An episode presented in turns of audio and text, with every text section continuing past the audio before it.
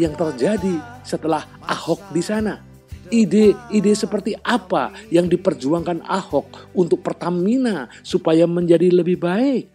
Pertama kita perbaiki itu adalah soal jenjang karir.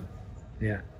Kalau dulu orang di Pertamina kalau dapat nilai bagus cuma boleh naik satu tingkat PLL-nya. Pertamina reference level satu tingkat. Jadi kalau orang mau jadi sampai senior vice president, dia masih kerja mungkin di atas 20 tahun.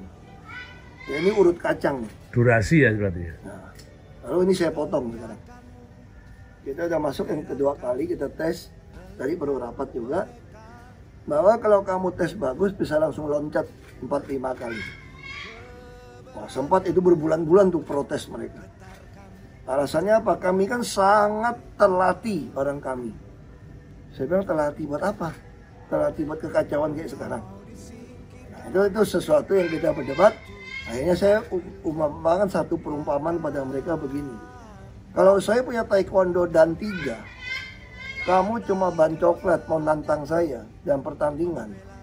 Saya nggak takut. Saya dan tiga kok. Hmm. Tapi kenapa saya takut bertanding? Kalau dan tiga saya itu cuma karena honorari dikasih punya. Karena saya senior, melatih, lalu saya terus dapat dan satu, dan dua, dan tiga. Saya lawan ban coklat, takut saya. Nah, jadi sebetulnya kalau kamu bilang orang kamu terlatih, kenapa takut lawan orang yang PLL-nya rendah? Kan secara logika saya, PLL rendah nggak mungkin menang lawan kamu yang lebih pintar. Yang hmm. PLL lebih tinggi. Karena alasan pelatihan-pelatihan sekolah sampai gitu hebat.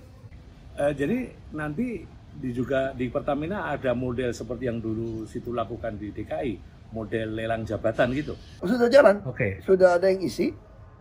Kemarin sudah ada yang isi pada 1 Oktober. Tapi saya samanya saya kurang puas. Kenapa kurang puas? Kotak lelang itu hanya buat yang pensiun yang kosong. Hmm. Saya tidak mau. Saya maunya kocok ulang kayak di DKI dulu. Waktu di DKI kan ada kalau nggak salah 10 ribu atau 11 ribu jabatan struktur. Kita pangkas tinggal 6 ribu kalau nggak salah. Lalu semua dikocok ulang tuh. Ya dilantik ulang di Monas. Nah maksud saya harusnya begitu kan. Baru kita bisa dapatkan yang terbaik dari yang terbaik. Terus sistem perbankan nasional saja sudah banyak yang menghilangkan orang untuk yang diganti dengan sistem mesin aplikasi. Hmm. Buat apa orang keuangan begitu banyak? Kalau ngitung semua sudah online, sudah lewat bank gitu loh. Hmm. Nah ini sistem yang harus bangun. Kayak tanda tangan digital, simpan gitu banyak. Yang sempat ramai. Kita bagus karena ada pandemi kita mulai tanda tangan digital gitu. Nah, saya pengen semua memo semua harusnya digital. Jadi kita bisa mengaudit investigasi dengan baik. Ya. Kamu pernah tulis rekomendasi apa atau disposisi apa itu jadi jelas. Nah itu yang kita lakukan. Lalu apalagi kita lakukan? kewajiban itu rapat hanya empat kali dalam setahun sebetulnya. Dewan Komisaris itu. Kami rapatnya itu tiap minggu pasti sekali. Tapi faktanya karena banyak urusan dengan direksi kadang-kadang kita bisa rapat seminggu tiga kali, empat kali.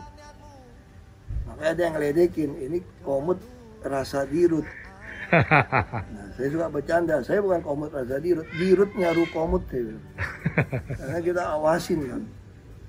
Nah itu yang kita juga punya komite investasi audit yang baik yang kita rekrut. Tadi itu dibatasin, nggak boleh yang rangkap jabatan di komisaris di mana. Saya bilang kalau begitu mana bisa dapetin orang terbaik. Hmm. Ini yang kerjaan sampingan tapi full. Yeah. Nah itu yang kita tawarkan ke ke mereka. Terus transparansi kita paksakan. Ya. Terus saya masukkan satu chief auditor eksekutif dari luar. Pas orang Telkom udah masuk ke swasta. Nah ini yang banyak mendapatkan temuan-temuan. Hmm. Nah, saya juga minta untuk orang-orang yang auditor yang dapat temuan, kalau setahun bagus naik satu kali PLL, dia otomatis naik dua kali. Hmm. Ya untuk temuan-temuan yang bagus. Jadi banyak orang-orang idealis, tapi saya khawatir mereka takut ditekan kan. Nah, saya selalu percaya teori kalau kepalanya lurus, bawahnya nggak berani nggak lurus. Ya. Nah, kalau kita ada yang tidak ada kepentingan, tidak KKM di dalam, meminta pemeriksaan, ada temuan bawahan itu pasti nggak berani hilangkan. Karena kan di bawah juga banyak orang idealis kan. Ya. Tapi dulu kan dia kalau ngotot yang belain siapa? Hmm. Dia mau lapor ke siapa kalau di tengahnya dan nekan dia. Nah kalau sekarang mereka berani. Karena kita jamin, kita pasang badan untuk kalian. Eh, Pak Ahok ini kan pengalamannya banyak banget. Jadi orang politik, sebagai orang partai pernah duduk sampai Senayan. Sebagai eksekutif pernah jadi wakil gubernur, jadi wali eh, bupati atau wali kota, jadi gubernur, jadi praktisi bisnis di BUMN. Juga ini yang orang lain tidak punya. Pak Ahok pernah jadi pertapa. Bertapa di Makobrimob. Pertanyaan saya, andaikan Pak Ahok ini punya kesempatan menjadi RI 1, Waduh, kira-kira apa yang paling signifikan untuk didandani atau direvolusi?